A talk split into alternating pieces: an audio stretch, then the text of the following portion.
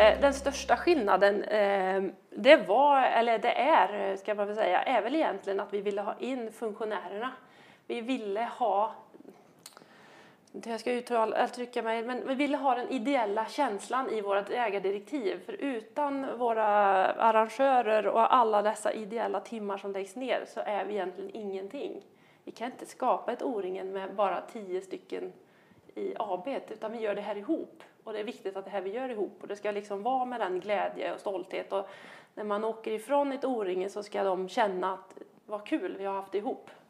Och det är viktigt att vi ska ha kul ihop för att det är då man presterar.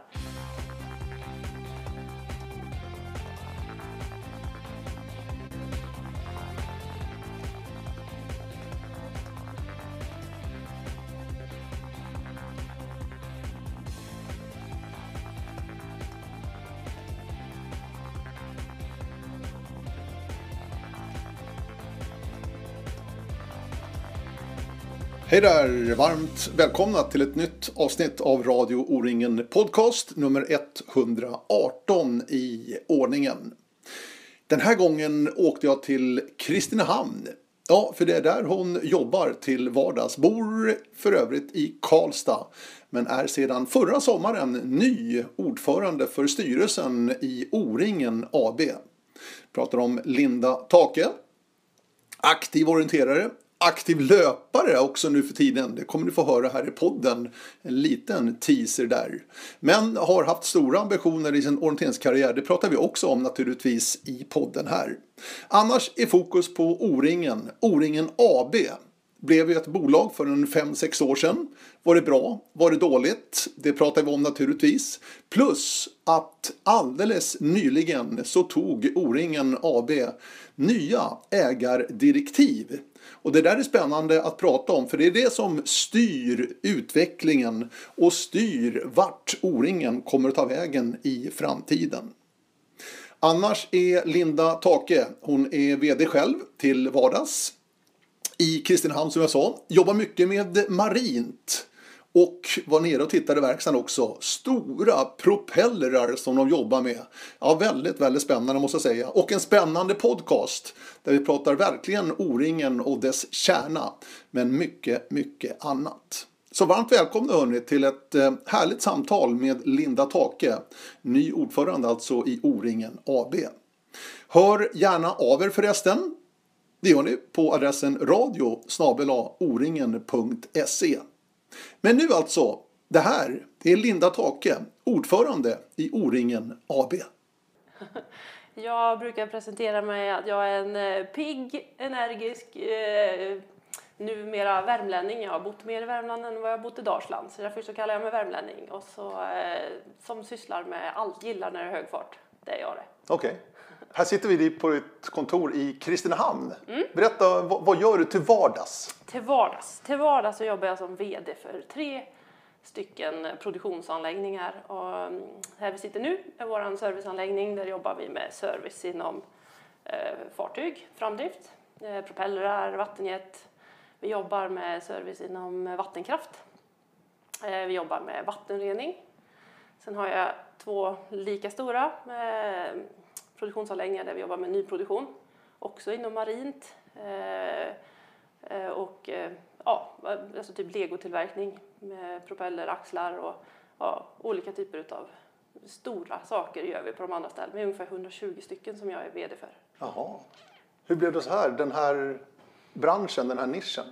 Det marina? jag tycker alltid att det har varit kul. Jag, jag är utbildad civilingenjör och har jobbat inom tillverkningsindustrin och jag har jobbat många år inom marint. Sen har jag varit ute och sysslat med andra saker och sen så kände jag att kraft i vatten och vatten är ju jävligt coolt. Där vill jag jobba. Så då eh, köpte jag och eh, tre kompisar eh, eh, företag i Kristinehamn där, för då gick den eh, delen som håller på med turbin gick i konkurs. Vi köpte en konkursbot och så köpte vi även en marin verkstad. Och då har vi köpt, eller kört på det här nu då i, i två år. Så vi har gått från eh, vi tre då till 40 anställda på mindre än två år. Och så gick vi nu precis i slutet på januari ihop med Motala verkstad. Så de, eh, då har de de två produktionsenheterna här i Kristinehamn så nu kommer det bli då Blue Future som är vårt varumärke kommer bli alla tre sajternas varumärke här i Kristinehamn. Och så tar jag över som VD på alla tre Okej. ställena. Så att det är verkligen full fart. Ja. Men det är, det är ingen tillfällighet att det är just Kristinehamn, för här finns en historia vad det gäller Ja. propeller och Absolut. turbiner och sånt där. Jajamän, här finns det mycket historia. Ja. Så när vi bestämde oss att vi skulle eh, ge oss in i den här eh, branschen igen, för att det är ganska fascinerande med kraft i vatten, även om det går åt ena hållet eller andra hållet. Ja, Alltså, ja, ja så eh, var Kristinehamn en given, eh, ett givet ställe att, att bygga vår verksamhet på. Dels för att Kristinehamn är ett eh, lite mer självständigt, alltså vi, flera utav oss eh, ägare bor i Karlstad. Eh, men vi kände ändå att Kristinehamn, här har vi mer stöttning, det är lättare att bli en eh, mer en betydande arbetsgivare och, och den stödfunktioner som finns runt omkring med, i kommunen. Så eh, det var självklart val att vi skulle hamna i Kristinehamn, så jag pendlar hit varje dag. Och det rullar på. Ja, det rullar på. Ja, roligt. Ja, det är full fart faktiskt. Det, eh, jag menar, här vi sitter nu, här kommer det in, eh, det är många fartyg som kanske går på grund. Eh, och då behöver de snabbt få, ut, få igång grejerna igen. Det kostar otroligt mycket att ha ett fartyg som står still som ska köra containrar eller annan typ av transport. Så att då är vi, och då är vi lite grann experter på att fixa trasiga saker. Så eh, det finns mycket historia i vårt gäng här och har jobbat mycket med detta. Speciellt på propellrar. Du, att jag träffade dig beror ju framförallt då på att du är ordförande i O-ringen AB sedan förra sommaren, Mm. 2018. Jajamän. Eh, och din orienterarbakgrund, du har ju haft en karriär också, du har ju ändå försökt. Ja, jag har försökt. Ja, Det har eller gjort. hur? Jo, men orienteringen har stått väldigt, har varit väldigt viktig i mitt liv, det Ja. måste jag nog säga. Och jag kan, eh, alltså redan från när jag var liten och min mamma var jätteduktig och jag hängde med henne på träningsläger så, så har orienteringen varit en eh, stor del, kanske till och med, eh, jag har planerat hela mitt liv utifrån hur orienteringen eh, ja, för, för att få Mm. bästa möjliga förutsättningar faktiskt. Så att, eh, alltså jag är civilingenjör för att det var ju det bästa sättet att leva som proffs på den tiden. Man kunde plugga så länge Ja. som möjligt. Eh, jag jobbade, utbildade mig till eh, simlärare och då kunde jag jobba eh, åka runt i olika kommuner på sommaren där jag ville träna och för att utveckla mig som orienterare. Så, eh, och sen hamnade jag i Karlstad för att det fanns på den tiden fanns en orienteringshögskola. Eh, och så var TYR eh, en stor klubb eh, Mm. som, man, eh, ja, som jag ville till då. Så att jag, jag, alla mina val, att jag är här jag är idag, Mm. har ju varit ett val utifrån eh, med orienteringsgrund. Ja. Din mamma heter Bibi Silverblad Fahlén. Och för er äldre lyssnare känner ni säkert igen namnet. För Bibi var ju landslagslöpare. Ja, det var Och du har ju absolut. varit precis på gränsen sådär. Ja. Eller hur? Kan man inte säga så? Jo, jag har fått varit med på många gånger. Ja. Och jag var med jag har varit med ett antal eller ett, under väldigt lång tid har jag Ja. varit med på flera olika Mm. aktiviteter. Så att, eh, men jag var aldrig riktigt full fast på det sättet. Nej. Nej. Din största merit skulle du säga? I din karriär? Alltså jag, men man får säga, ja men alltså när man var ung och lovande så fick jag ju vara med och kunde, då, då fick jag ju möjlighet att vara med i, då var jag med i, kan det heta då, U21-landslaget kanske Mm, och mm. var, fick vara med på en del eh, landskamper som det hette på den tiden. Eh, eh, och det var ju alltid lite kul och sen eh, skaffade jag mina barn och sen kom jag faktiskt tillbaka i landslaget så då fick jag vara med på ett par nordiska Eh, och det var ju också himla roligt. Eh, så att, och sen, eh, men jag tror nog ändå att eh, det roligaste minnet jag har om jag ska plocka upp någonting från orientering så är det nog ändå när jag var med på World Games. Det var första gången vi körde det. Det tyckte jag var skithäftigt. Eh, tyckte jag. Mm. Var var det någonstans? Eh, Vi var i Tyskland. Just det, precis. Och det måste ha varit... 2004 eller Fyra, 2005 eller 20 något sånt där. Min, Ja, eh, 2001 var det Japan, 2005. 2005 var det, ja, Vart precis. fjärde år är det. Ja, precis. Mm. Så mina barn var väldigt små då, men jag tänkte att det skulle vara kul. Just det. Det var precis innan O-ringen i Skillingaryd, Ja, minns jag. ja det, stämmer. Ja. Så att, eh, vi åkte direkt dit. Just det. Och det var inte så många etapper då jag för mig heller. Jag tror inte vi... Nej, det var ett vi- specialupplägg det där året i och med att VM gick i Japan Ja, också. ja just det, precis. Ja. Det var ju då vi hade en etapp i Osaka, heter det på småländska. Ja, Osaka, ja just det. kallar vi det för. Precis. Nej, det var ett specialupplägg, det Ja. har du alldeles rätt i. Jag kommer inte ihåg om vi sprang tre eller fyra etapper. Det var något Ja, jag tror vi sprang tre Ja, etapper, tror ja, jag faktiskt vi ja. sprang. Ja, Det kan nog stämma. ja det var, det var, ja. det, det var ett annorlunda O-ringen helt klart. Just det. Ja. Men orienteringen har varit en stor, stor del av ditt liv verkligen. Ja, det har det verkligen. Det har det varit. Och är fortfarande. Ja, absolut. Även om jag inte tävlar riktigt lika mycket nu som jag gjorde då. Nu springer jag mycket veteranfriidrott, det tycker jag är roligt. Asså? Jajamän. Oj, vad kör du då? Ja, jag springer, nu ska jag springa veteran-VM inomhus här om två veckor. Då springer jag 3000 meter och 1500 meter. Oj, Precis. det där. Ja. Intressant. Ja, det är jätteroligt. Jaha. Du gillar att plåga någonstans? Ja, ja, Jo, men det är mycket så. Alltså. Mycket skalle måste man ha. ja men. Speciellt att springa inomhus kan jag tycka. Det som jag tycker är jobbigast med den här friidrotten är ju att som orienterare så det kan det ju komma en lurig kontroll på slutet men det gör det ju sällan på bana. Så att eh, jag skulle vilja kunna springa mig ännu trött. När jag ser folk som ligger ner och mår riktigt illa, så vill jag, det är ett mål. jag får se om jag lyckas någon gång men jag är alltid så lite för pigg när jag kommer i mål. Enormt häftigt. Veteran-VM sa du? Ja, veteran-VM. Jag sprang veteran-SM förra helgen. Ja. Och var ska du nu då? Vart- Nu ska vi till Polen. Polen? Ja. Ja. Spännande. Ja, det. Extremt spännande. Men sagt var, du är ordförande i O-ringen AB. Mm. Eh, och det tänkte jag skulle vara liksom det här samtalet. För det är ju spännande. O-ringen är ju bolagiserat då sedan 2013, 14 Mm. någonstans där. 2014 var ju första gången det gick under O-ringen ABs flagg. Mm. Fast det var ju egentligen inte så mycket flagga för O-ringen AB då Nej. i den här övergångsperioden. Men hur som helst, du eh, kom in förra sommaren. Ja. Det var ganska turbulent där. Det var ju tre stycken tidigare styrelseledamöter som hoppade av, bland annat ordförande då, Stefan Blomgren tillsammans med Lennart Agén och Eva-Lena Frick. Yes. Och så kom du in som ordförande och fick frågan av Inge Blomberg förstår jag, Ja. ordförande i Svenska Orienteringsförbundet. ja. Hur tänkte du då? Ja, Ska jag vara ärlig så, så var det nog så att jag kom in i SOF-styrelsen i mars, så jag hade inte suttit speciellt länge där. Eh, och sen blev det turbulent och, eh, och jag menar, den, eh, jag har jag sitter i en hel del styrelser och har eh, och jobbat mycket. Alltså när det kör ihop sig så måste man ställa upp. Det har man, det, det, det gör man. Det är ditt mantra lite Det är mitt mantra. Ja, precis. Liksom. Och, och då var det liksom, det var bara att kavla upp armarna, hoppa in och köra. Eh, och, och det har vi gjort. Så Du funderar eh, inte på nej, jag, sådär? Nej, inte direkt. Utan det var liksom, nej men är det så här vi vill lösa det, då får vi lösa det så här. Det här blir bra, då kör vi. Du har en pliktkänsla någonstans. Ja, men lite så är det. Alltså när man har eh, ett, eh, ett dotterbolag som det, det faktiskt eh, som det är då, så om man sitter i, i, i modern så, så behöver man, då får man gå in. Jag har gjort så förut faktiskt i andra sammanhang så att ja, nej, Mm. det, det, nej man, man, det, det, liksom, det, hänger, det hänger ihop. Tar man ett sådant ansvar och går in i en styrelse så, så får man även hjälpa till när det kör ihop sig. Eh, Den här turbulensen ska jag bara dra, som jag, som jag har fått uppfatta i du får rätta mig om jag har fel Linda lite grann. Det var ju det att eh, en del landslagslöpare ställde sig mot BAE Systems som var sponsor då via Hägglunds till O-ringen. Hotade med bojkott och sånt här. Eh, och då tog det lite eh, fyr då i eh, O-ringen AB, styrelsen, där Stefan Blomgren är högst också delaktig i BAE Systems. Så att så lite grann var ju själva roten till den här turbulensen lite grann, att de hoppade av då eh, och du fick komma in. Eh, men att du fick frågan, du har ju en bakgrund då i företagsvärlden som vd här där vi sitter i Kristinehamn, men också i O-ringen har du ju enormt mycket erfarenhet, både som löpare massor med gånger och Värmland 2017 där du var väldigt inblandad som ordförande i eh, föreningen, Ja, precis. O-ringen-föreningen. Ja. Så du satt ju med hela kortleken känner jag. Jaha. Eller? Ja, men så, jo, men det kan jag, precis, det, det gjorde jag.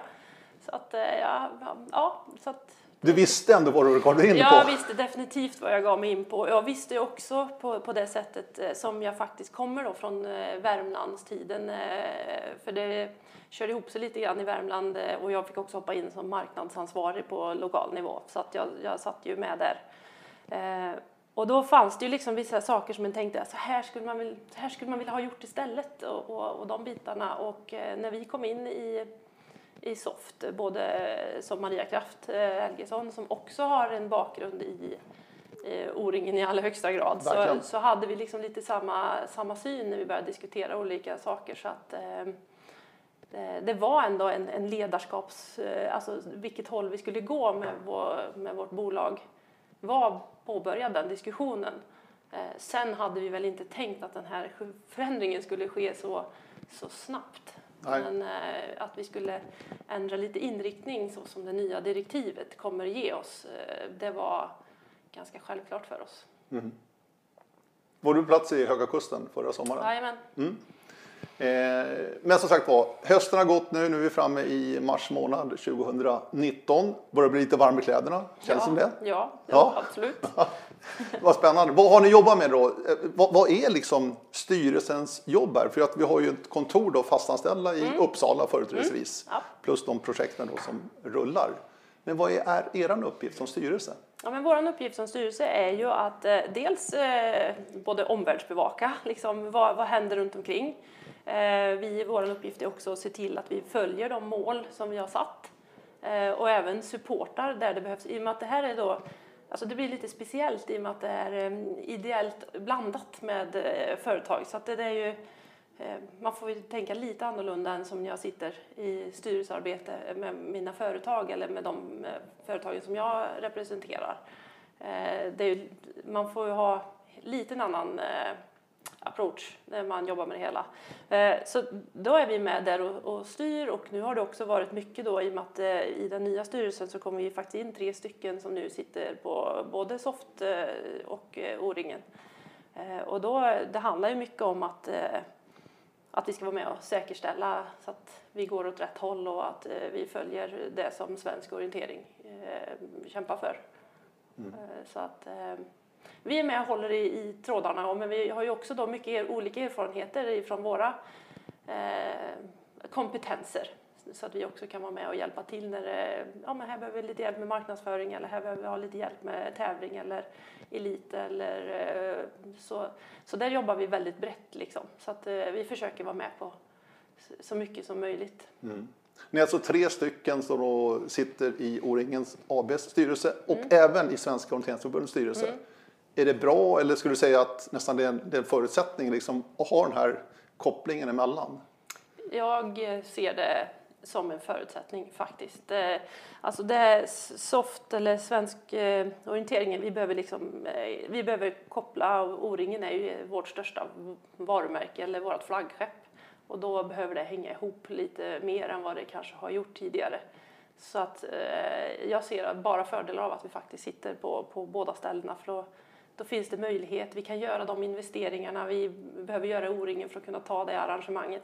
Den dialogen blir väldigt mycket enklare eh, när vi ändå eh, sitter på, på båda ställena så att säga. Så att det blir Nej, jag ser det som det, det, det, det, är väldigt bra. Jag tror att eh, det är väldigt bra för svensk orientering att vi faktiskt gör så här.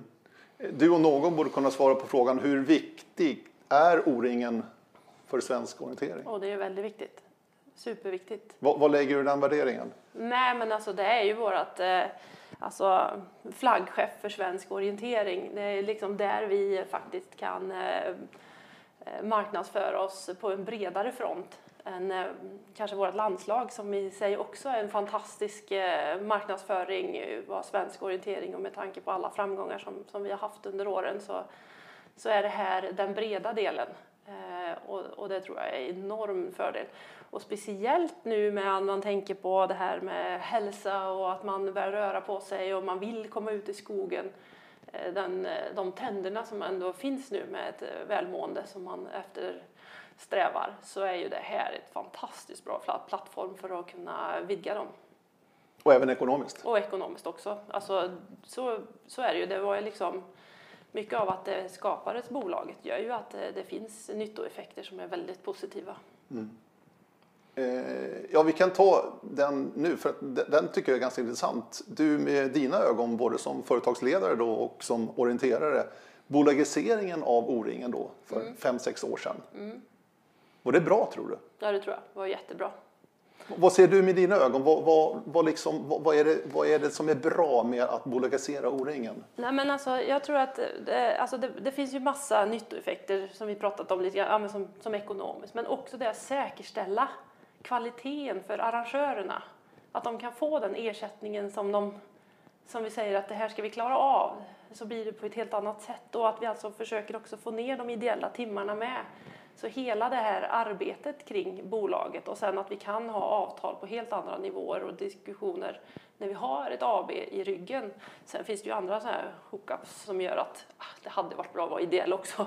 Eh, men eh, det är mest positivt och det är ju sådana här saker som till exempel att när man eh, vill kanske köpa en tjänst eller något sånt där så tycker de att aha, men ni, mm, ni är ju, eller man, när man blandar ideellt och så kan det vara i vissa sammanhang som kan tycka, men ni som är ett AB, ni ska ju bara tjäna pengar, då borde ni få betala för det här. Eh, men det går ju också då till arrangörerna så att eh, det är ett givande och tagande med några små sådana här hookups liksom som jag tycker att det där då hade det varit skönt att vara ideell men i det stora hela så är, finns det ingen tvekan om att bolagiseringen var bra. Tror du att deltagare i gemene man märker skillnad från före AB-tiden och efter AB-tiden? Kan man göra det? Eller är det ungefär, Nej, de känner igen sig? Det är det jag menar. Ja, de känner igen sig. Det, det tror jag absolut att de gör. Så jag tror inte att eh, de som bara är med och tävlar eh, tänker på det. Men de som varit med och arrangerat eh, ser ju fördelen av att man kan förenkla massa processer och göra det mer smidigt. Eh, de ser ju det, men jag tror inte att de som bara är med och tävlar tänker på att ja, nu är det här ett bolag. Ja så tror jag inte man tänker. Utan det är ju ändå de eh, arrangörerna som är liksom stjärnorna när mm. vi har våra arrangemang. Mm. Eh, ett stort jobb ni har gjort här under hösten nu, mm. det är att ta fram nya ägardirektiv ja. för O-ringen AB. Yes. Och det tyckte du var jätteviktigt med din erfarenhet också, både som arrangör då i Värmland 2017 och kanske också som deltagare under många år. Ja, ja men absolut. Alltså, vi, när vi satt där på förbundsmötet i, eh, i mars och eh, de, eh, där ordförande eller de representanterna från, från Sverige ville liksom se ägardirektivet, de ville ta del av det och de ville även förstå hur det är uppbyggt. Så, så kände väl vi när vi satt och diskuterade efter detta, alltså det är väl självklart att de ska få se det här. Eh, även om det var då en röstning så att eh, det blev liksom, eh, så egentligen så skulle vi kunna haft direktivet eh, hemligt. Mm. Men jag ser liksom ingen anledning vad vi ska ha ett direktiv hemligt för. Nej. Så vi börjar jobba ganska snabbt med att vi vill ha det här transparent och öppet så att alla vet vad O-ringen står för och vad vi ska med O-ringen och vad vi liksom vill. Så uppbyggnaden av ägardirektivet har varit en ganska rolig resa. Vi var ett helt gäng, eh, eller vi var några stycken i Soft som eh, skapade en grupp och så tog vi fram eh, ett förslag och sen så har vi haft olika workshop med hela Soft och Softstyrelsen och sen kom vi fram till ett förslag och det var många bra diskussioner fram och tillbaka. Bara ta diskussionen liksom Alltså hur ska vi göra med ekonomin? Hur ska vi göra med varumärket? Vad vill vi med varumärket? Eh, kvaliteten på arrangemanget. Är det så att vi kan, eh, ska vi säga att nej men nu kan vi inte ha mer eh, deltagare för det, det blir ungefär som Vasaloppet, det blir stopp, vi får ha fler arrangemang istället. Så, så, hur stort ska vi växa, hur ska vi vara? Så det har varit, var väldigt rolig, har varit en rolig höst med att bygga det här. Sen så tog vi också då möjligheten på ordförandekonferensen så alla fick se hur vi hade tänkt. Så det har verkligen varit en transparent, transparent eh, övning. Vi hade två dagar strategidagar med eh, O-ringen, eh, de anställda på O-ringen och eh, de projektledare från de olika arrangemangen. Så, så jobbar vi med eh, direktivet även där. Så det har kommit input från alla håll vilket gör att det känns ganska gött att ha, ha det här direktivet framför oss för då kan ingen säga att vi inte vet var, var, var vi ska någonstans utan det kommer vara tydligt mm. för alla. Mm. Och, och, det tror jag är alltså, en nyckel till framgång liksom, att ha den här transparenten så att inte man tror att oh, nu ska de tjäna pengar på det här eller nu ska de göra på det här. Så som det, det kan lätt bli. Utan det här gör vi för att kunna skapa ett fantastiskt arrangemang som gynnar eh, svensk orientering. Mm. Om vi jämför med det tidigare direktivet, det har ju funnits ägardirektiv hela tiden. Ja, det har det absolut gjort. Men vilken är den största förändringen, största skillnaden nu i de här nya direktiven som ju är tagna av Svenska orienteringsförbundets styrelse? Ja, eh, de är tagna, precis. Eh, sen har vi inte haft våran årsstämma för O-ringen AB än så att eh, de har inte börjat jobba efter den. Men beslutet är taget på, på hur ägardirektivet ska se ut. Eh, den största skillnaden, eh, det var, eller det är, ska man väl säga, är väl egentligen att vi ville ha in funktionärerna. Vi ville ha jag ska uttrycka mig, men vi ville ha den ideella känslan i vårt ägardirektiv. För utan våra arrangörer och alla dessa ideella timmar som läggs ner så är vi egentligen ingenting. Vi kan inte skapa ett O-ringen med bara tio stycken i AB, utan vi gör det här ihop. Och det är viktigt att det här vi gör ihop och det ska liksom vara med den glädje och stolthet. Och när man åker ifrån ett O-ringe så ska de känna att vad kul vi har haft det ihop. Och det är viktigt att vi ska ha kul ihop för att det är då man presterar. Eh, så det är väl egentligen, eh, för det var kanske lite mer företagsbetonat innan då. Eh, av det här är mer uppmjukat för att skapa den här miljön som vi faktiskt vill. Sen så kan vi väl hoppas att så småningom så kan vi kanske få ner våra ideella timmar så att vi kan få ut ännu mer eller få mer ersättning för det jobb vi gör. Och, och drömmen vore väl om vi kanske kunde lägga vårt O-ringen vart som helst och ändå kunna ge. För jag menar, om vi tar där jag kommer ifrån då, eller jag som, som Värmland, ja, men vi hade inte lika många starter där än vad vi hade i Övik förra året. Mm. Och det är klart att de värmländska klubbarna får mindre. Skulle vi kunna hitta en modell som gör att det spelar ingen roll vem som tar åt sig det här, vi får, vi får lika mycket i alla fall. Om det skulle vara en, en, en grej för att lättare kunna ta arrangemanget, för att kunna sprida det. Så vi kan ha det eh, på udda ställen så att det blir den där härliga upplevelsen för orienterarna. Mm. Eh, och det skapar det här då och vi har ju även då tittat på alltså hur vi kan bredda det hela då. Eh, alltså, det står till exempel i vårt direktiv att vi ska ha minst ett arrangemang. Mm. Så det öppnar ju upp att vi skulle kunna ha fler arrangemang liksom. Eh, så att det finns ju möjligheter att bygga det här på, på mycket mer, eh, på ett bredare sätt mm. utifrån. Eh, så att stora skillnaden är nog egentligen att, att vi ska ha jävligt kul ihop med våra arrangörer. Var det här någonting du tog med dig från ditt jobb i Värmland 2017? Eller någonting du kände behövdes förbättras, förändras i direktiven? Ja, verkligen. Det var så? Ja. Vad kände ni där då i Värmland?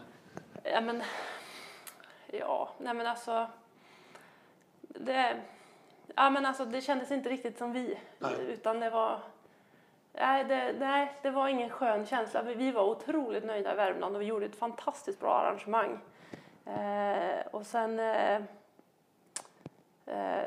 Ja, nej, det var, det var lite för, vi, vi, det var lite för guppig väg. Okej. Okay. Eh, liksom, det var... Blev ni med några brickor i något spel ja, bara? Men lite, det var det lite grann den känslan vi, ja. vi hade och där har vi olika beroende på såklart eh, vilka vi hade kontakt med. Men det var liksom, nej men eh, nu måste vi ha upp eh, anmälningarna. Ja, men om vi inte vill ha mer då? Eller vi gör det här ideellt. Alltså det var svårt, ibland så det är väldigt svårt att jobba med, med ideella. Det kan vara att man har mycket att göra eller vi har inte tid eller vi behöver eller mm. måste vi eller eh, det kändes lite grann eh, som, som det fanns, nej äh, det var eh, vi skulle vilja varit mer ett vi mm. än vad vi var där. Precis, det är svårt, det, det här är liksom de här mjuka värdena någonstans, ja. det är svårt att pinpointa ut det. Men tror du att nya direktiv kan förändra en sån sak? Ja, det är jag helt övertygad om. Ja, du är det? Ja, jag är helt Oj, övertygad om. Ja, det är att, eh, intressant. Ja, ja, men bara att vi, vi har det, vi pratar om det. Ja. Och eh, när vi sitt, satt på vårt strategimöte och vi pratade om de här frågorna så var det här frågor som var viktiga även för dem eh, i eh, AB också. Eh, utan eh, det var kanske inte resultatet i sig, det är klart att det här måste gå runt och att funktionärerna får sin, sin ersättning.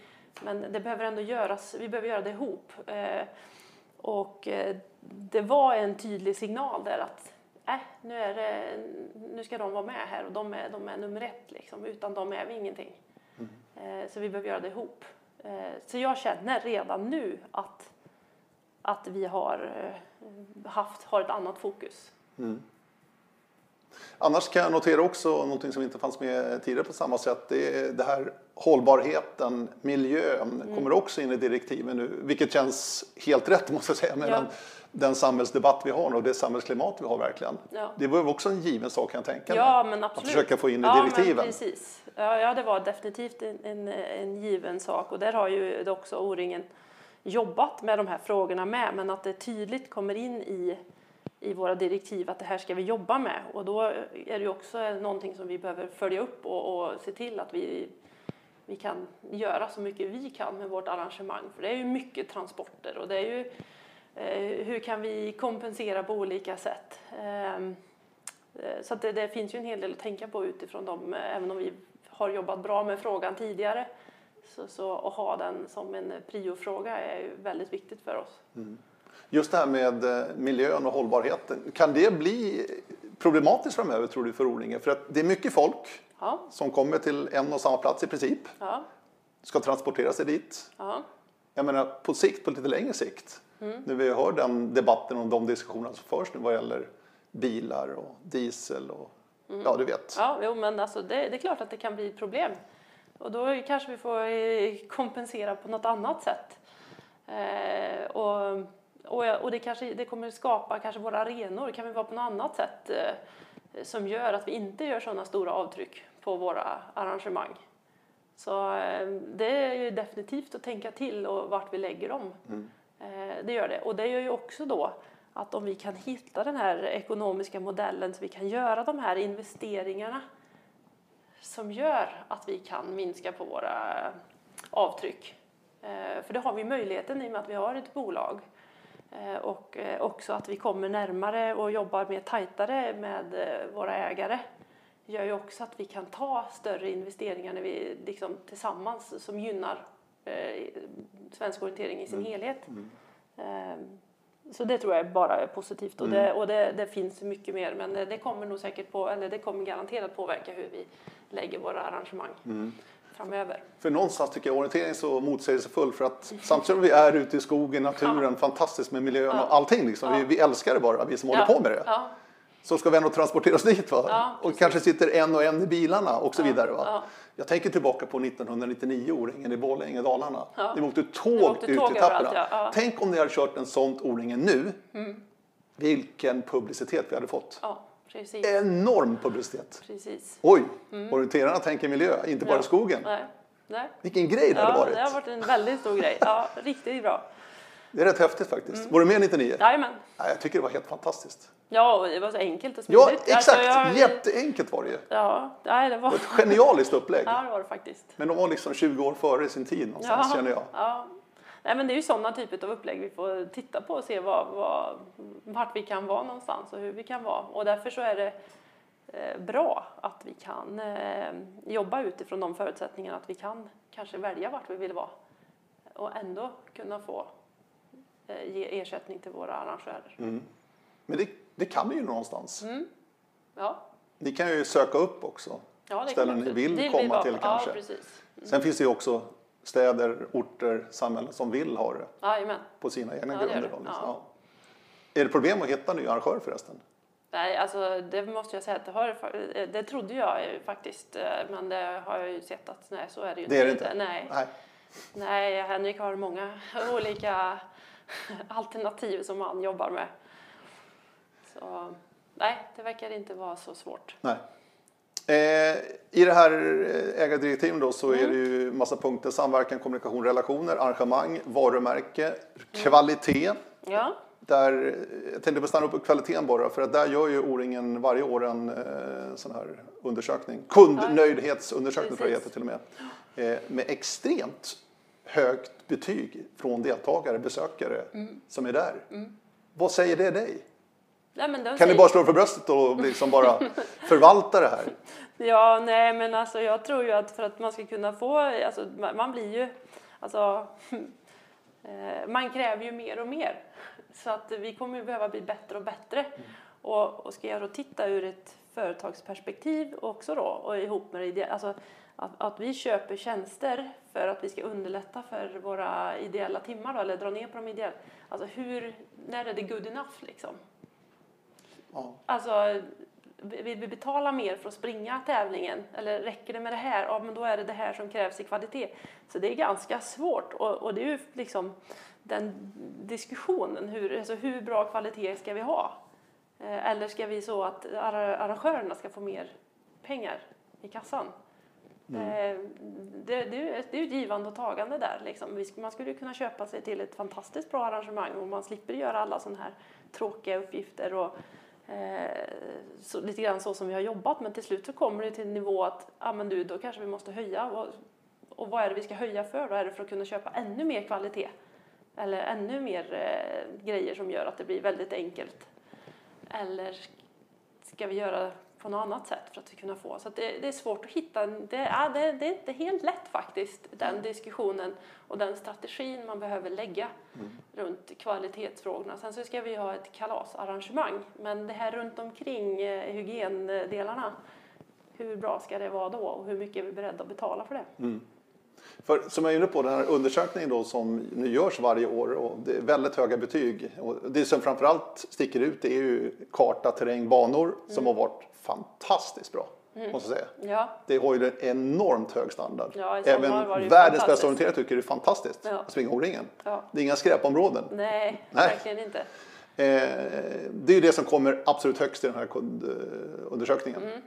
Men det jag tänkte komma till är är, är vi ganska nära taket för att det är ganska dyrt. Alltså O-ringen är ju dyrt. Anmälningsavgiften är ju dyrare ja. än en vanlig tävling. Ja. Så är det om man slår ut det ja, dag, dag på dag. Absolut är vi nära taket? För jag menar, du har ju familj också och barn och sådär. Det blir ju ganska mycket pengar för en familj att åka på O-ringen. Men ändå är de nöjda. Mm. Så någonstans mm. så går det ihop just nu i alla fall. Ja, det gör det. Men är du rädd liksom? Nej, man... ja, det är svårt att hitta den där nivån faktiskt. Eh, och, och det, det kanske är så att vi ska säga att nej, men vi, vi bara har så här många deltagare och, sen, och då är det den här kvaliteten. Och då blir det här Vasaloppsracet istället? Och så blir det Vasaloppsracet istället. Tar slut på en kvart? Ja. Vi vill ha det så. Alltså det där är faktiskt eh, Ja, det är en typisk fråga som är, eh, diskuteras på ett styrelsemöte. Det är en styrelsefråga? det, det, ja, strategier runt, runt den här, Aha, alltså, intressant. i vilken nivå man ska lägga sig på, hur, hur bra kvaliteten ska vara och eh, när tror vi att våra, eh, ja, de som springer eh, tycker att nu blev det allt bra dyrt. Mm.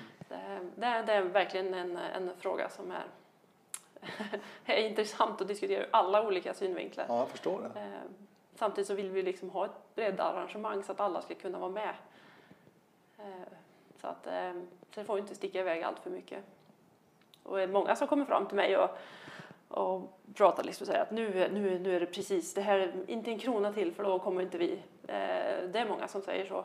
Eh, medan andra som eh, anmäler sig direkt, de gör de typ på veckan så anmäler de sig till nästa år. Det är klart vi ska köra för det här ingår i vår vanliga familjesemester. Mm. Så, att, eh, men, så vi har ju många anhängare som verkligen tycker att det här är livet. Mm. Och jag menar, jag har själv sprungit, jag vet inte vet jag, 30-35 kanske. Ja.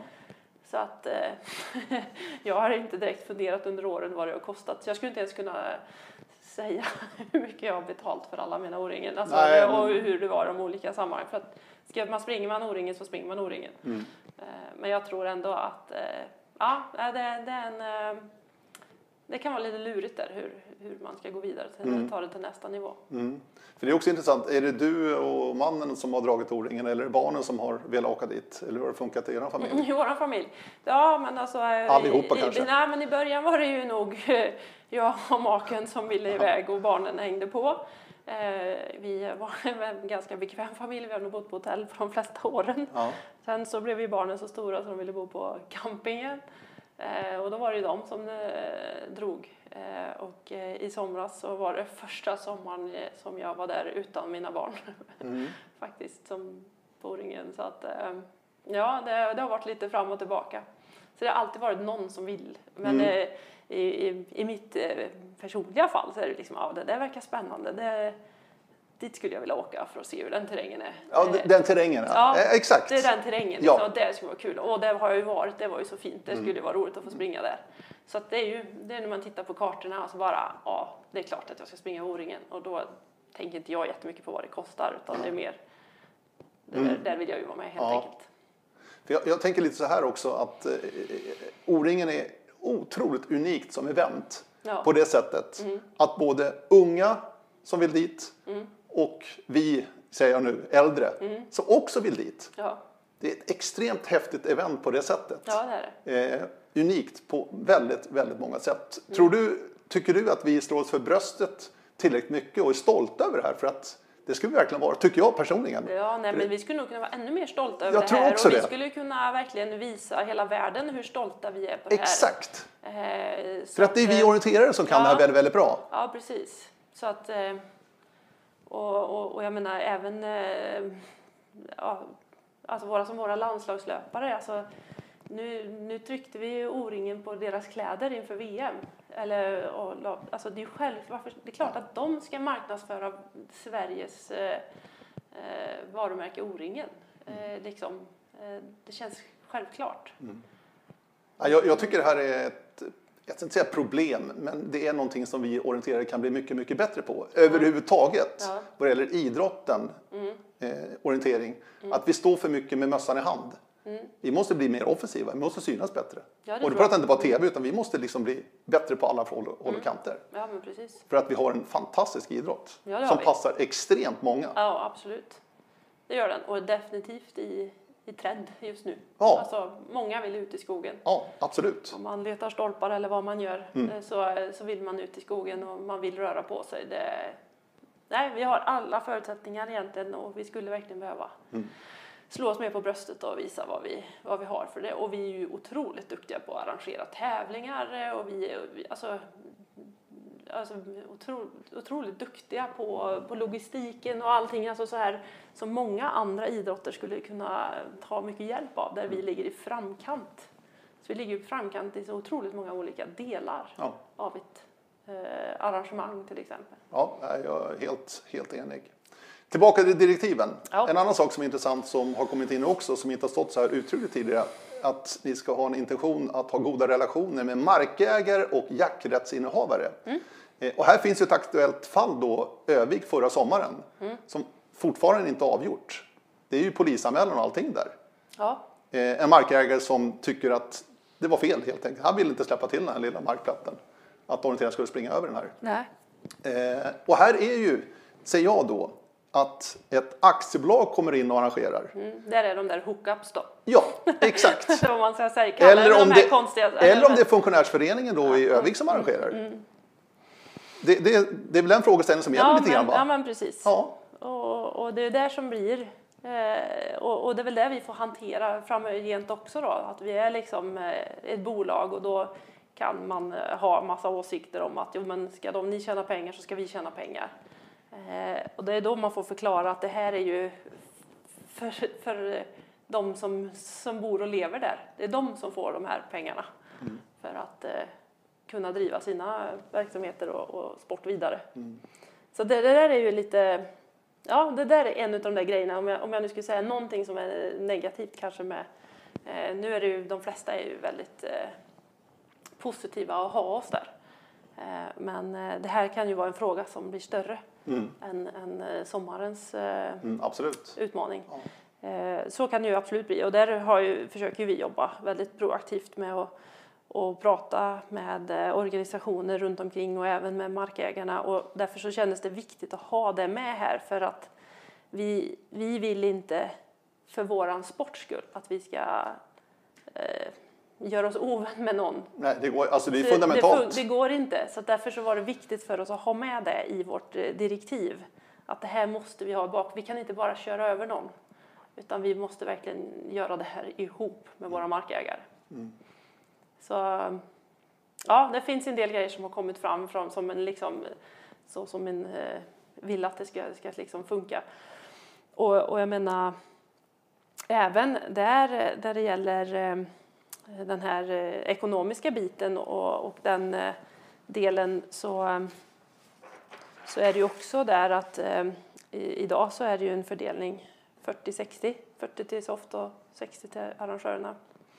Och det har också varit lite olika, men här är det ju de här eh, 40 procenten då, alltså det är lite grann hur investerar vi i vårt, i, i, i arrangemanget.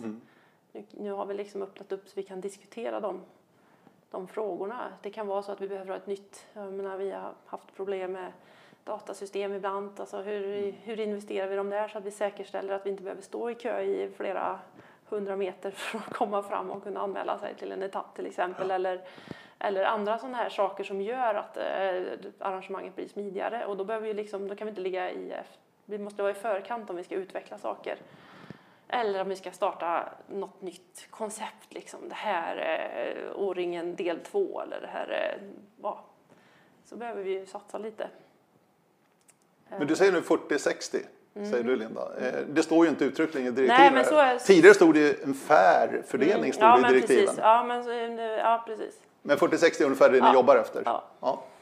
40 till Soft alltså, Ja. ja, som ägare av O-ringen AB. Eller O-ringen kan vi säga. Mm, Och sen då resten till eh, funktionärsföreningen. Och så liten deal också till eh, O-ringen AB till Ja, det får vi förhandla oss till. Det får du förhandla oss till. Ja, men alltså, Ja. det är ju lite grann, vad behöver vi dem till? Alltså, Ja. Så att är O-ringen som sådant, eh, det är ju inte så att eh, vi ska eh, driva eh, så mycket vinst på det vi gör, utan vi ska ju göra arrangemanget så bra som möjligt. Och behöver vi då pengar för att investera i något så, så har vi nu möjligheten att kunna göra det på ett annat sätt. Och även, eh, ja, sen, sen så kommer det klart att det finns ett kapital som måste finnas i bolag för att kunna snurra verksamheten och, och det, gör, det gör det ju. Så att eh, det har varit eh, som sagt bra nyttoeffekter att man har eh, AB. Mm. Det blir jämnare kvalitet på det hela. Eh, varumärket finns med nu också. Mm. Det har inte funnits tidigare. Nej, Eh, alltså O-ringen, loggan eller O-ringen då som, som företeelse och som namn helt enkelt. Ja. Varför plockar ni in det? ja men det är också för att, eh, för att eh, tydliggöra att, den, eh, att vårt varumärke är liksom den här glädjen, gemenskapen och, och den stolthet som vi faktiskt driver. Och det är lite grann det vi pratade om alldeles nyss, den här stoltheten. Vi ska verkligen vara stolta över det. Så, så vad kan vi göra med, med det här varumärket så att, så att den verkligen, liksom när man ser loggan O-ringen så ska, ska helst alla veta. Ja, det där är ett eh, roligt arrangemang där man eh, mår gött och har det bra och, och man får springa roliga tävlingar eller träffa kompisar. Eller, eh, så det är mest för att ha med det i tankesättet när vi typ tittar på strategierna hur vi ska ta O-ringen till nästa nivå eller om vi ska bredda oss eller på vilket håll vi ska göra så är det eh, viktigt att varumärket eh, kommer med och det ska marknadsföra då som, eh, så mycket som möjligt. Eh, O-ringen i sin form just nu. Mm. Eh, är det en form som du gillar? Eller Ja. finns, finns det mycket att göra fortfarande? Nej, men alltså, de här eh, kund, kundnöjdheterna, Mm. mm. säga, men de här, de här eh, när vi kollar hur, vad de har- tyckt så, så vill de ju väldigt gärna ha det traditionella O-ringen. Men det orienterar en. Och det, är väl det, och det får vi väl kanske ha det traditionella, och, och, men även att man kan kanske sticka ut och köra vet jag, lite terränglöpning eller lite, men jag tror att vi, vi skulle kunna bredda oss lite mer än vad vi gör idag. Mm, Det där är ju intressant. För nu, O-ringen AB arrangerar alltså vecka 30 varje år. Du menar att det finns utrymme för annat också? De Jajamän, resterande 51 veckor? Det tror jag absolut Ja, att det okej, gör. ja. Och som vi skriver här, minst ett arrangemang. Det innebär att vi öppnar upp för fler arrangemang. Mm. Och, eh, och sen får vi i, i O-ringen-styrelsen och ihop med gänget eh, bestämma vad, vad är det vi ska satsa på. Mm. Och sen, eh, det här behöver vi göra, det här vill vi göra och det kanske kommer kosta oss så här mycket initialt. Då får vi gå tillbaka med som ett business case till Soft och säga du, det här vill vi testa, provköra. Vad tycker ni om det här? Ja, okej.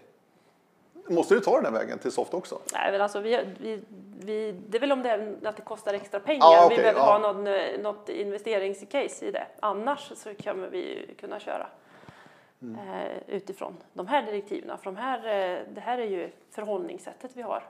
Och sen så bygger vi våra mål och planer efter det. Du, styrelsen, Mm. hur många är ni? Ni är Fem stycken. fem stycken. Hur ofta ses ni? Ses det fysiskt varje gång eller? Nej, Nej. jag kan säga att vi hade ett möte igår kväll. Ja. Då sågs vi inte fysiskt, då satt vi och pratade i telefon. Eh, Men vi- försöker ses. Eh, Ja, kanske fem, sex gånger eh, om året och sen på O-ringen-veckan så ses vi varje, då har vi möten varje, varje dag faktiskt. Ja, okej. Ja, så där, då är det intensivare vi, Mm. Det gör vi. Ehm, och då, men, eh, och sen så träff, har vi telefonmöten däremellan. Eh, Så att det, det, det är lite bland. Det beror på när vi ska liksom, eh, fatta lite beslut eller vi ska ta oss vidare på olika saker. Då behöver vi träffas oftare. Mm. Så att nästa styrelsemöte är nu 19 nästa vecka. Eh, Du och ni då, styrelsen, är- ser O-ringen lite grann von oben. Det är ju en styrelse jobbar lite grann. Ja. Eh, Han på golvet där nere är Henrik Boström, Ja. eh, VDn alltså för O-ringen AB. Ja. Hur ofta har ni kontakt, du och Henrik? Åh, det kan vara hur mycket som helst till lite mer sällan. Men Okej. säg att ja, men förra veckan pratade jag med honom två gånger, tre gånger. Ja. Nej, men vi har ganska täta kontakter. Eh, och sen ibland så blir det intensifierade när vi har någon eh, viktig fråga som vi behöver jobba med. Eller inför styrelsemöten eller eh, ja, bokslut som det har varit nu eller vad det nu är så, så har vi. Så vi, vi, vi hörs ganska ofta faktiskt. Har du samma erfarenhet från ditt jobb då här på ditt företag? Du är ju VD här ju, Mm. Ja, med din styrelse. ja. Jobbar ni på samma sätt ungefär? Ja, men det gör vi. Det här, min styrelseordförande, hon brukar ringa mig. Hon vet när jag åker hemifrån på jobbet. Ah, okej. Eller hemifrån på morgonen. Så hon ringer mig. Så att jag pratar nog henne. Ja, jag har nog mer kontakt med henne än vad jag har egentligen med Henrik eh, på det sättet. Det har jag nog. Men eh, ja, jag, jag är van att jobba på, på det sättet. Mm. Ja, och sen rapportera. Det är, liksom, det, det är ju liksom min chef. Det är som, eh, som en liksom, ja, nej, man behöver ha en dialog ibland. Du, eh, har du någon erfarenhet som styrelseordförande tidigare? Ja, inte, inte, då är det här det största eh, med, med mest pengar som rullar i detta. Mm. Fast inte så mycket ersättning.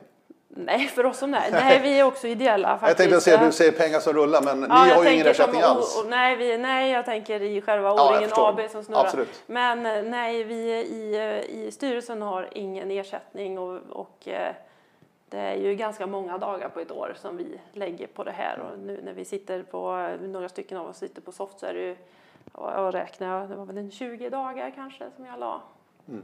förra året. Ja, jag förstår det. Ja, det är imponerande alltså. Mm, Ja, Det ideella livet lever fortfarande. ja jag känner det precis. ändå. Alltså. Men jag har tackat nej till alla andra ideella uppdrag så att det, Mm. det här är mina ideella uppdrag.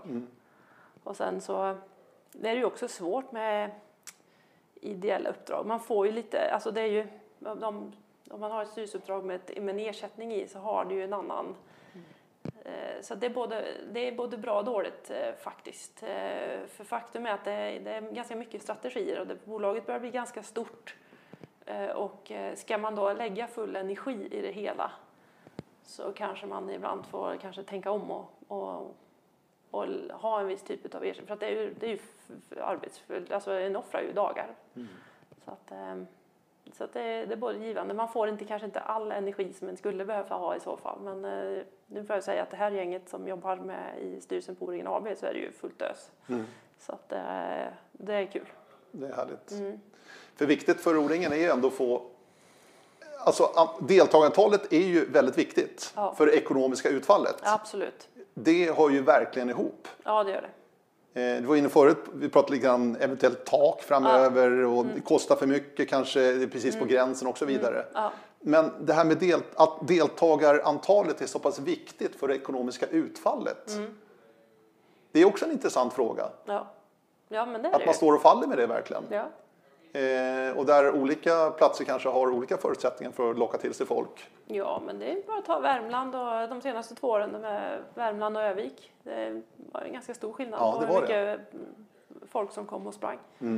Eh, och Vad beror det på, tror du då? Tillgänglighet. Jag vet faktiskt inte, men alltså.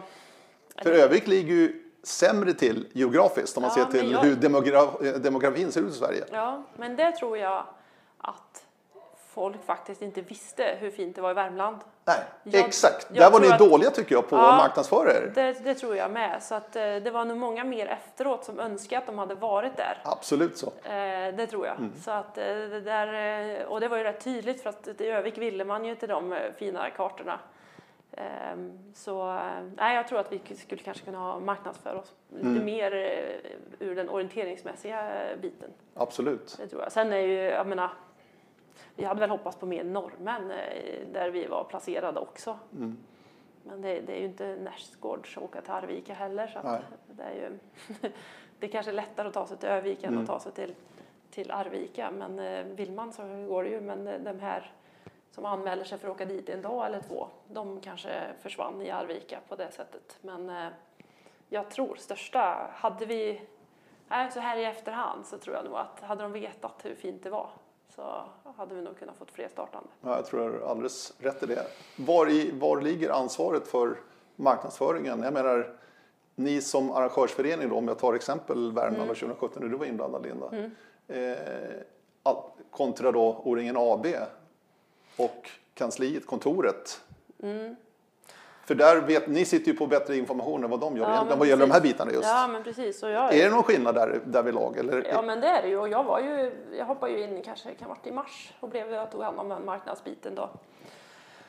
Eh, och eh, där, eh, där då har vi ju våra tidningar och det, men det var, det var så mycket artiklar som skulle ut så att, och, och eh, mycket med den marknadsföringen runt omkring. Men det var ju mycket upp till oss lokalt att ta hand om den biten. Men så ska man ju liksom få, få till det då. Det kanske inte man har kunskapen hur man får ut det här på bästa möjliga sätt. Eller vad är det som så att det där är ju någonting som man får eh, hjälpas åt. Och det tycker jag ju också att eh, där vi på IAB tar ett ännu större ansvar och, och hjälper till och, och gör det ihop med, med arrangörerna. Mm. Så att ett gemensamt ansvar där, eh, absolut. Mm. Eh, Men eh, där de lokala får verkligen, det här är kalas liksom.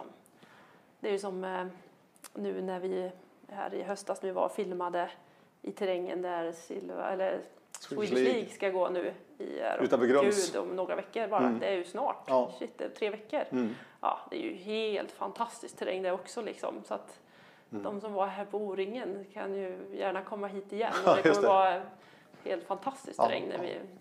så, att, eh, så där har vi ju sett också att ju mer vi marknadsför vår terräng desto förhoppningsvis mer folk får vi. Ja. Däremot Örnsköldsvik, där, där, de har ju ett rykte och det vet vi som har varit där och sprungit också. Att det är ju fantastiskt där, nästan överallt Mm. Ja. är det ju grymt bra terräng. Men där lyckas man ju extremt bra tycker jag att få in Höga Kusten. Ja. Med både destinationsbolaget och på Ja, plats i Örnsköldsvik. Plus också att det var O-ringen Höga Kusten. Den kopplingen vart ju extremt Mm. Lyckosam måste jag säga. Ja, det var den, och där var ju, ligger ju Värmland i lä. För att. Arvika kanske inte drog så mycket. Det var ju liksom inget speciellt så egentligen. Nej. Så att där hade man ju eh, en enorm fördel med det här Mm. eh, naturarvet, eller världsarvet. Världsarvet ja. Ja. Mm. Så att sådana kopplingar är också intressanta. Ja, men det är det. Och de är kanske blir, eh, blir en extremt viktig del i framtiden hur vi lägger, eh, alltså hur- de kommande arrangörer, hur de lägger upp den strategin. För det lärde man sig ju mycket. Och det är ju det här som är viktigt att vi verkligen, och det finns också med i direktiven och det fanns väl i och för sig med förut också, alltså att vi måste lära av varandra. Det här är liksom, måste överföra den kompetensen som vi faktiskt eh, får och sen eh, så att nästa arrangör kan eh, ta del av allting. Liksom. Så att eh, om, om någon eh, skulle liksom ha problem med det här, så hur, vi har jättefina kartor, men hur får vi folk dit? Ja, men då tryck ut delar av dem, visa dem, Mm. gör, gör någonting så Ja. att folk får se hur häftigt det är. Mm. Filma. Det finns ju så otroligt många sätt att visa upp någonting nu för tiden, enkelt. Så är det. Så är det absolut. Ja, sociala medierna är ju väldigt eh, lättillgängliga för alla Mm. att se hur det ser ut. Så man kan och med sitta hemma eller ligga hemma i sängen och titta att här skulle det vara fint att springa. Ja. Eh, en annan sak jag tänker på det är ju locals. Ja. De som bor typ Mm. i Arvika, typ i Örnsköldsvik då senast. Hur pass engagerade, inte engagerade kanske är fel ord, men hur pass mycket de tar del Mm. utav O-ringen. Min känsla är att många blir vettskrämda nästan bara av flygfältet. Mm. Mycket folk kommer och orienterare. Ja, Jag vill inte vara här. ja, Istället för att vi kanske försöker få in dem och komma ut i alla fall till arenan och Ja, kika precis. ändå och bara njuta av atmosfären och Ja. vad härligt det här. Jag kanske ska ta en bana imorgon. ja. är det någonting också att jobba med eller? Ja, det är definitivt något att, att jobba med och, och jag menar, vi försökte ju få Arvikaborna ut till, till eh, arenan om inte annat för att titta på den. Och jag menar, det var ju många, så nu efteråt så har jag ju pratat med många som liksom eh, önskar att de inte hade hyrt ut huset utan faktiskt varit där och, Ja. och, och kunde vara med. Eh, Och jag menar, och för er, eller säger jag, alla företagslivet eller de eh, runt omkring, alltså de tyckte det här var ju helt fantastiskt. Vad, vad, vad det gjorde med, med, med området runt Arvika när alla, alla orienterare kom. Det, så det, det är ju, alla pratar ju otroligt gott om O-ringen i, i Värmland som värmlänning. Mm. Och eh, de bara, när, när får vi det här nästa år? Ja, okej. Nästa gång bara, ah. det har vi haft det var 20 år. Ja. Så att, eh, eh, men eh, nej, men man absolut att få ut eh, och inte göra det så. Eh, och det är väl någonting som vi orienterare också får fundera på. Alltså hur visar vi upp vår sport utan att den blir så komplicerad? För den är inte så komplicerad som den Det tycker vi. Ja. ser ut. Nej, Tycker men vi. man får ju hitta något sätt då, få ut dem. Och det här med de här koncepten som vi haft friska, vi har i Karlstad, friska Karlstad till exempel, jag menar nästan, ja, inte vet jag, var, var tredje eller var fjärde Karlstadbo är ute och jagar stolpar. Jag har ju aldrig sett så många eh, orienterare med cykelhjälmar, för de tar cykeln ut och så ställer de cykeln någonstans och springer de i skogen med cykelhjälmar. Så en helt ny klädstil har de skapat. Okej. det låter nästan farligt faktiskt. Ja, men det är jättemånga som är ute och, och men eh, de, de kopplar inte ihop det med orientering. Så att det, det, vi behöver nog, om vi ska bli fler så är ju det här vi behöver hitta hur, hur gör vi det enkelt? Mm. Hur gör vi det enkelt? Det, menar, det är som jag sitter här på företaget, hur gör jag det enkelt för kunderna? Hur ska de, hur ska de kunna hitta oss eh, och varför ska de hitta oss? Eh, och vad är det vi erbjuder? Vad är vårat eh, Mm. erbjudande? Och, och, där, eh, och få, få med de här som inte som tycker att det är lite otäckt. En annan sak, eh, vi pratar om funktionärsfördelningen som finns med nu i direktiven här. En annan sak som är intressant också, som jag vet du har erfarenhet själv, det är ju baksmällan. Ja. Det vill säga de som arrangerar O-ringen. Det är ett extremt tufft arbete och en jätteleverans då vecka 30. Men det kommer ett liv efter O-ringen också. Är det någonting ni pratar i styrelsen för? Det här är ju, det har vi sett och jag har hört väldigt många exempel på också. Att Ja. många är helt tömda och nästan bara väggar och vill inte vara med längre. Nej. Nej, För det här är också en viktig fråga tror jag. Ja, det, det är det. Och, och, och det är ju liksom också då hur mycket ideella timmar vi kan liksom få ner så att vi inte kör slut på dem. Eh, och det var väldigt blandat, som i Arvika var vi väl väldigt blandade. En del var ju väldigt trötta och en del bara, nej men det här var ju jättekul. Ja, Alltså, jo, men vi- jag förstår det. Så att det är ju väldigt blandat. eh, Men, men det är viktigt att kunna ta del av den där och att det blir väldigt tomt. Det blir tomt efteråt liksom. Ja, visst. Så vad, vad händer nu då? Eh, något som har varit med i ens liv ganska intensivt. Mm. Varav det här blir extremt mycket den där veckan. Och sen då så... Men kan ni, kan ni på något sätt hjälpa till här? Alltså Ja, ja, ta men- fram någonting eller vad, vad, jag, jag har ingen aning om vad man gör liksom. Men, Ja, nej men alltså. Vi pratar ju mycket om att, vi, att, att det får liksom inte ta skada. Alltså för varje grej som vi inför eh, i... Eh, vi- vi, vi ändrar någonting. Alltså, I Värmland så testar vi ju liksom lite nya datasystem. Vi testar, vi testar lite, vi bytte lite grann klassningssystem som gjorde att... Och, mm, vi pratade med Henrik här, en annan tidigare, de pratade om wifi och, och resultat. Så testar vi liksom på Värmland. Och, och, och det funkar inte riktigt bra. Nej, det funkar inte riktigt bra och det visar sig också i våra siffror med då, som vi faktiskt får vår ersättning i. Och då är det ju viktigt, så vad vi diskuterar är ju hur ser vi till att det inte straffar det. arrangörerna för att vi behöver testa någonting nytt eller vi byter någonting eller vi vill ha det på det här sättet.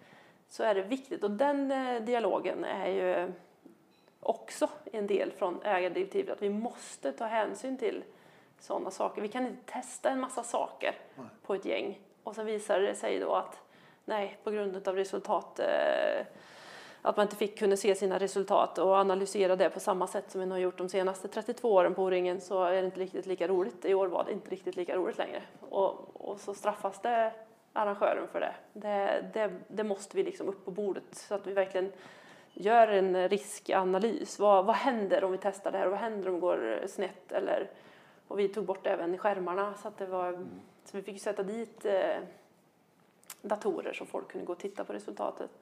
Eh, de delarna eh, försöker vi ju minimera Mm. eh, också då. Så att vi, vi har hela tiden en tanke av att vi måste få till arrangemanget på ett sätt. Och, och det, det som är bra, eller det som är också då bra med den styrelsen som vi har, vi har olika intressen. Jag menar, Peter Öberg sitter ju i vår styrelse, jag menar, han är ju högst delaktig i sommarens arrangemang. Så då får han vara också med på den sidan vilket gör att vi får ännu mer kompetens från båda sidorna. Och det gör ju att vi blir ännu starkare och bättre ihop och kan göra ett mer, ja, höja på alla, på, alla nivåer på, på arrangemanget och på även hur vi driver O-ringen AB. Så eh, det är ju det, det är få styrelser som har den kompetensen att man sitter har varit operativ och sen så sitter man i styrelsen efteråt. Alltså det är ju det är en kompetensfördel som vi verkligen eh, kan dra nytta av, att vi har den. Men det är väldigt komplext. Ja, det är väldigt komplext. O-ringen är väldigt komplext. Det är väldigt komplext. Ja, Ja, det finns Ja. både hårda och mjuka värden. ja det finns många hårda och mjuka värden. Så, jo, men så är det ju. Eh, Men då kan vi ju också testa lite grann. Om vi har ändrat Ja. lite, hur, hur ser det ut då? Eh, tänkte vi knyta ihop den här säcken nu. Eh, Du var inne på sommaren, Kolmården. Upplev äventyret Mm. som de har som eh, motto. Ska du uppleva äventyret Jag ska Linda? uppleva Det äventyret, Du. Har du anmält dig? Jag har inte anmält mig, men jag Nej. ska anmäla mig. Jag vet faktiskt inte vilken klass, men jag kör väl som vanligt i min vanliga klass. Ja, har du tänkt att... nej, jag vet inte. Jag tänkte om jag skulle testa någon annan, men jag har aldrig gjort det. Jag har alltid sprungit i min eh, Åldersklass? åldersklass, Ja. jag på säga. Det har jag, ja, Inte alltid. nej, det har jag inte. Nej, men eh, när, sen jag, blev, jag började springa i min åldersklass, kanske när jag var 45, Mm. 40, ja, det var- för, förra året var mitt första år 45. Mm. Ehm, och det blir ju tuffare och tuffare. Alltså, det är en tuff klass jag springer i. Mm. Definitivt. Inga misstag. Kortare banor är det också. Så att man får absolut inte göra misstag. Nej. Eh, Men från din position som ordförande i O-ringen ABs styrelse, kan du se att det blir ett bra arrangemang i sommar? Ja, det känns faktiskt Gör väldigt, det? Ja, det känns faktiskt väldigt eh, bra. Det, jag tror att det blir ett kanonarrangemang. Eh, det gör jag. Det, det, de är helt med i, i planerna och det, det rullar på bra. Och det är samma känsla som det var inför förra året, höll jag på att säga. Men alltså, det, det, nej, det, jag tror att det blir ett jättebra arrangemang i sommar. Mm. Så ska vi se vad, vad skillnaden blir nu när det blir en sån centralort igen, så som det inte var förra året. Om det ger några skillnader på det sättet.